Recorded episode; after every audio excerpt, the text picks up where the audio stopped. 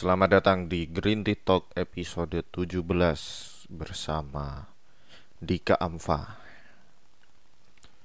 Ini tuh kayak udah menjelang ini nanti diupload ini tanggal 30. Berarti sisa besok lalu tahun baru. Nah, banyak orang yang apa semacam kayak flashback gitu kan karena tahun baru ini cukup eh, apa? Cukup menyita waktu untuk flashback. Cukup banyak yang flashback. Dalam satu dekade ini ngapain aja gitu kan karena ini nanti 2020 awal dari dekade baru. Nah eh di flashback apa karena banyak yang flashback itu ada salah satunya eh, temen orang konveksi punya sebuah konveksi itu yang aku belajar banyak dari dia. Dia orang keren sih dia bermula dari konveksi kemudian dia punya lini usaha yang lain. Aku banyak belajar dari dia gitu kan. Eh, dia kayak uh, flashback juga dalam dekade ini ngapain gitu kan dia. Nah. Sebenarnya uh, pada awal aku buka usaha gitu-gitu kan, buka usaha kaos jualan green tea itu aku banyak uh, memandang ke mengcompare ke beliau ini ke dia ke temen konveksiku ini. Bagaimana aku sering membanding-bandingkan uh, kok uh, dia bisa punya banyak pelanggan punya hampir tiap hari ketika aku main tuh ada aja yang istilahnya dateng buat order baju buat bikin ini pegawainya udah banyak terus udah punya usaha lain uh, sering uh, nganter pesanan tuh kayak udah levelnya udah pak-pakan banyak banget gitu kan. Itu aku tuh wah kok aku nggak ngerasa kok kok aku jauh banget tertinggal dari dia gitu loh. Apa aku emang nggak gak cocok di dalam bisnis ini dalam industri ini. Aku sering kepikiran gitu sering insecure sering ya gimana lah ketika ketika dalam suatu hari itu pasti ada masanya bener-bener ketika uh, baru buka baru buka sebuah usaha. Ini awal-awal aku buka tuh dalam satu hari bener-bener nggak ada yang beli itu uh, pernah bener-bener nggak ada yang order.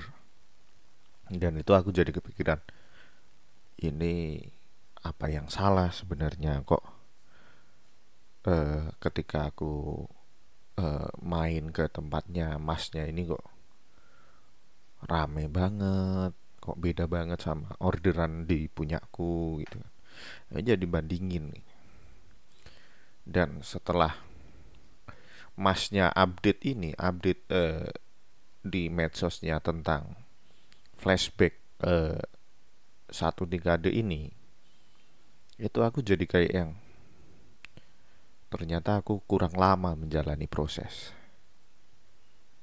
Karena gini karena dari statusnya masnya itu dia uh, kayak ngasih tahu gitu kan ngasih ngasih info ke kita kalau ya dia semacam bersyukur gitu kan. Karena usahanya sudah bisa bertahan selama 12 tahun. Dia udah menjalani itu selama 12 tahun. Dari dia bilang dari tahun 2008 sampai sekarang udah mau menjelang 2020 12 tahun. Dan aku setelah lihat itu kayak apaan? Aku nggak ada apa-apanya ternyata. Dan aku yakin awal-awal masnya ini juga struggle. Juga nggak nggak belum sampai di titik sekarang ini nggak langsung mencapai titik sekarang ini. Pasti dia berproses dulu karena dia pernah nunjukin foto-fotonya waktu masih dia tuh uh, buka distro kecil-kecilan di ruko gitu kan di tahun tahun awal gitu. Dia pernah nunjukin uh, pamflet-pamflet poster-posternya jualan waktu itu kan waktu awal-awal internet tuh kan booming tuh.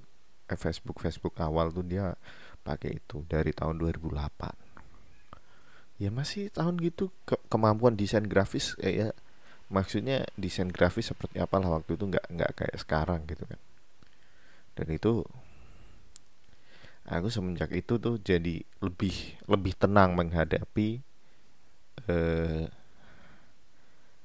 menghadapi apa yang harus aku hadapi, menghadapi semua permasalahan gitu loh. Karena karena gini. Pepatah tuh ada yang bilang rumput tetangga itu selalu terlihat lebih hijau. Ya karena kita nggak tahu gimana dia merawat rumputnya itu gitu loh. Kayak apa yang udah dia korbankan untuk eh, membuat eh, usaha sebesar itu yang dia dalam hal ini dia mengorbankan waktu yang sangat lama untuk jam untuk sampai di titik sekarang ini. Dan aku kayak yang baru buka enam bulanan baru bikin enam bulanan tuh kayak kayak gini aja udah ngeluh gitu. Apalagi nanti menuju ke depannya gitu. Jadi emang gitu. Kadang-kadang kita juga ngelihat kalian pernah gak sih kayak lihat yang meme gunung es. Meme gunung es itu kan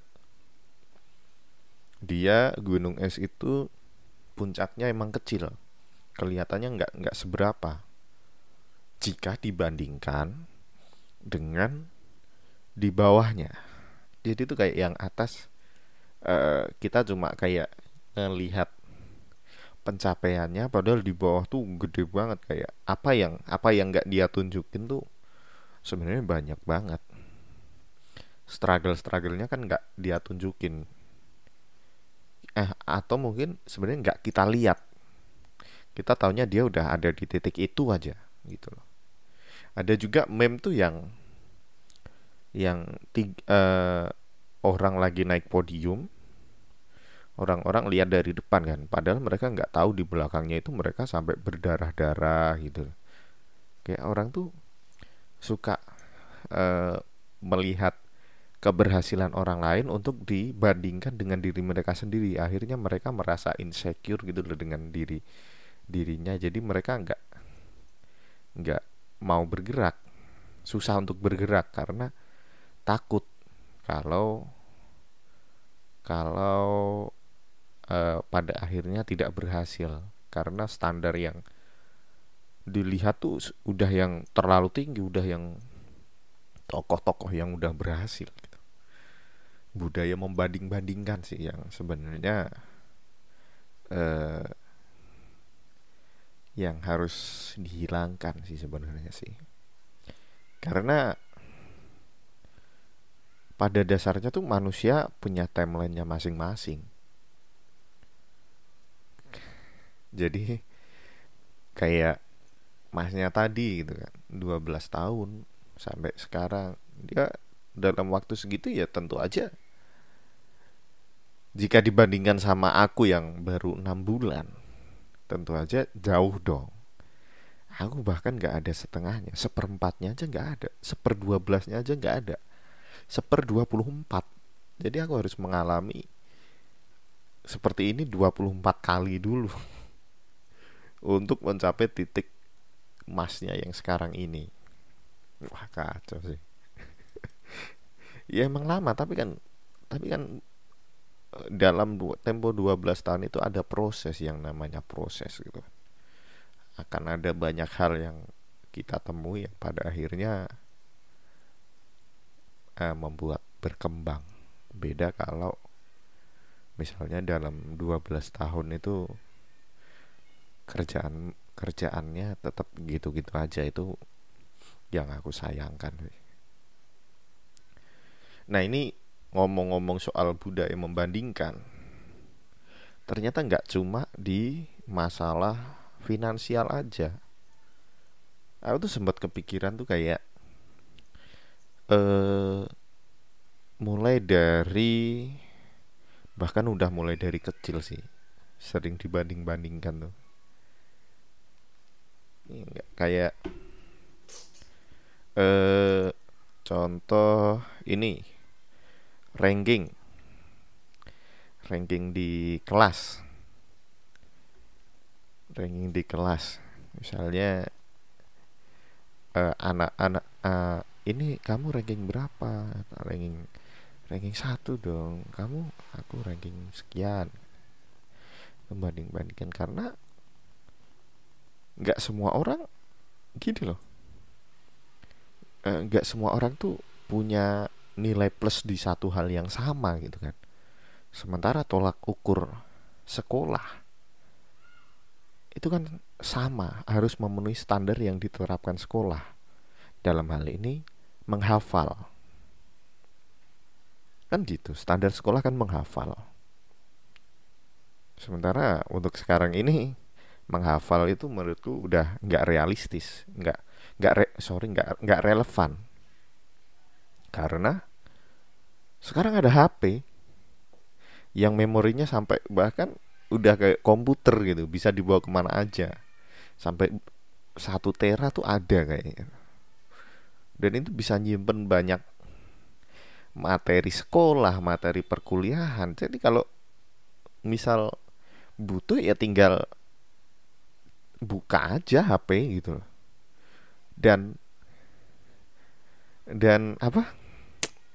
Istilahnya nggak nggak boleh dilarang, nggak bisa dilarang kayak gitu. Karena semakin dilarang berarti uh, sekolah semakin nggak relevan. Kenapa nggak relevan? karena kamu melarang realita gitu. Karena realitanya semua orang sekarang punya HP pegang HP gitu. Tapi tapi ini melebar sih tapi ini melebar. Jadi balik lagi ke membanding bandingkan itu tadi itu semua orang tuh nggak nggak misal satu eh, anaknya berbakat di gambar mungkin kan. Bisa aja dia cita-citanya jadi uh, desainer grafis gitu kan yang ini yang seni seninya apa gambarnya bagus banget. Kan toh juga zaman sekarang masalah grafis butuh banget karena penggunaan internet semakin sering butuh konten-konten yang baru dengan ilustrasi-ilustrasi baru gitu. Tapi sekolah tetap menerapkan standar yang itu-itu aja. Jadi membandingkannya nggak relevan. Orang-orang yang membandingkan ini nggak relevan. Ranking itu nggak relevan menurutku harus dihapus ya kayak gitu.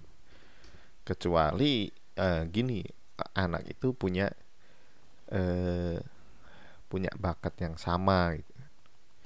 Punya bakat yang sama eh sorry punya pilihan yang sama. Dan memang uh, apa yang mereka pilih sama lah itu ketika uh, dilombakan mungkin. Nah itu bisa dibanding-bandingkan.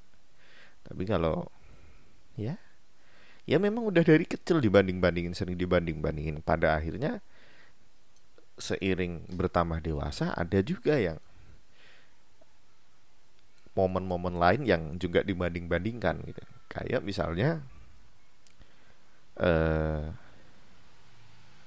lulus kuliah. Soal lulus masalah lulus tepat waktu atau enggak itu kan juga banyak tuh yang membanding-bandingkan gitu kan. misalnya eh, ada yang lulus bahkan cuma tiga setengah tahun nah tiga setengah tahun ini eh, aku nggak tahu sih. Mungkin mungkin case nya begini. Orang wah ini orangnya hebat nih lulus uh, sekolahnya cuma tiga setengah tahun. Tapi kan kita nggak tahu gitu kan misal apakah dia uh, bener-bener uh, mungkin dia cuma fokus di kuliah aja gitu kan kita nggak tahu uh, cerita di balik itu. Mungkin yang tiga setengah tahun kuliah hanya kuliah aja. Dia terbebas dari semua masalah yang lain. Jadi emang bener-bener kehidupannya ya fokus kuliah aja.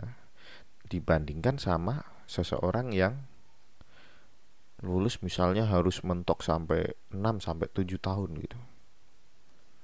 Nah kan kita nggak tahu juga yang lulus lama ini apakah itu karena emang dia pemalas ataukah memang dia harus uh, mengorbankan waktunya untuk sambil kerja part time sehingga kuliahnya agak ke dodoran apa gimana karena kondisi ekonominya yang sulit? Kan kita juga nggak tahu sebenarnya. Apakah dia uh, aktif di berbagai komunitas di berbagai organisasi yang menambah relasinya sehingga dia lebih uh, menurut dia lebih menguntungkan untuk uh, menaruh lebih banyak waktunya di situ daripada daripada kuliah kan nggak tahu. Itu karena uh, sebenarnya membanding-bandingkan kalau memang tidak tahu alasannya juga. Tidak tahu kisah di baliknya juga. Sebenarnya nggak nggak nggak masuk sih nggak masuk. Itulah kebiasaan membanding-bandingkan. Itu di kuliah tuh. Ada juga membanding-bandingkan eh, masalah pekerjaan masalah pernikahan. Gitu loh kayak misal nih kayak misal eh kayak kan ditanyain nih kayak basa-basi gitu kan. Ini aja udah nikah loh kamu kapan? Sering gitu kan ada obrolan-obrolan yang kayak gitu. Si ini sama si ini udah nikah nih kamu kok nggak nyusul gini-gini? Kalau ada pertanyaan kayak gitu kan secara nggak langsung tuh kayak menambah nambahin pikiran gitu nambah nambahin pikiran orang yang ditanya. Kan dia pasti mikir apakah ini uh, sudah aku emang udah waktunya tapi aku belum ini apa gimana? Kan jadi beban jadi beban pikiran tersendiri buat buat yang ditanya. Nah gitu loh. Karena balik ke tadi timelinenya juga beda-beda tiap orang. Jangan sampai eh, misalnya seseorang menikah karena karena ditanya-tanyain sama orang lain terus kan? Jadi sebenarnya dia belum siap secara banyak secara finansial belum siap.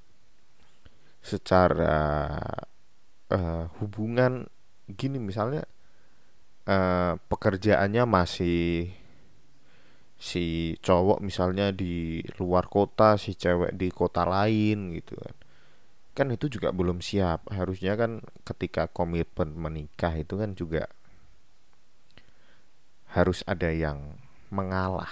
Istilahnya harus ya udah yang namanya udah komitmen udah komitmen untuk menikah kan berarti harus uh, menomorsatukan pernikahan di atas segalanya itu. Nah gitu. Terus ada lagi. Oh udah listku udah itu aja. Karena aku belum sampai tahap yang lebih jauh. Paling di situ. Karena ya budaya membanding-bandingkan ini loh yang yang harus dihilangkan. Karena kalau terus banding-bandingkan tuh nggak akan tenang hidup. Udahlah jalani aja proses gitu kan ya, aku menjalani yang baru enam bulan aku jalani untuk eh, yang pada akhirnya untuk mencapai 12 tahun seperti masnya yang di, aku ceritain tadi kan juga butuh proses yang sangat lama sekali oke okay, thank you. Gitu aja. Ketemu lagi di Green Talk episode selanjutnya. Bye bye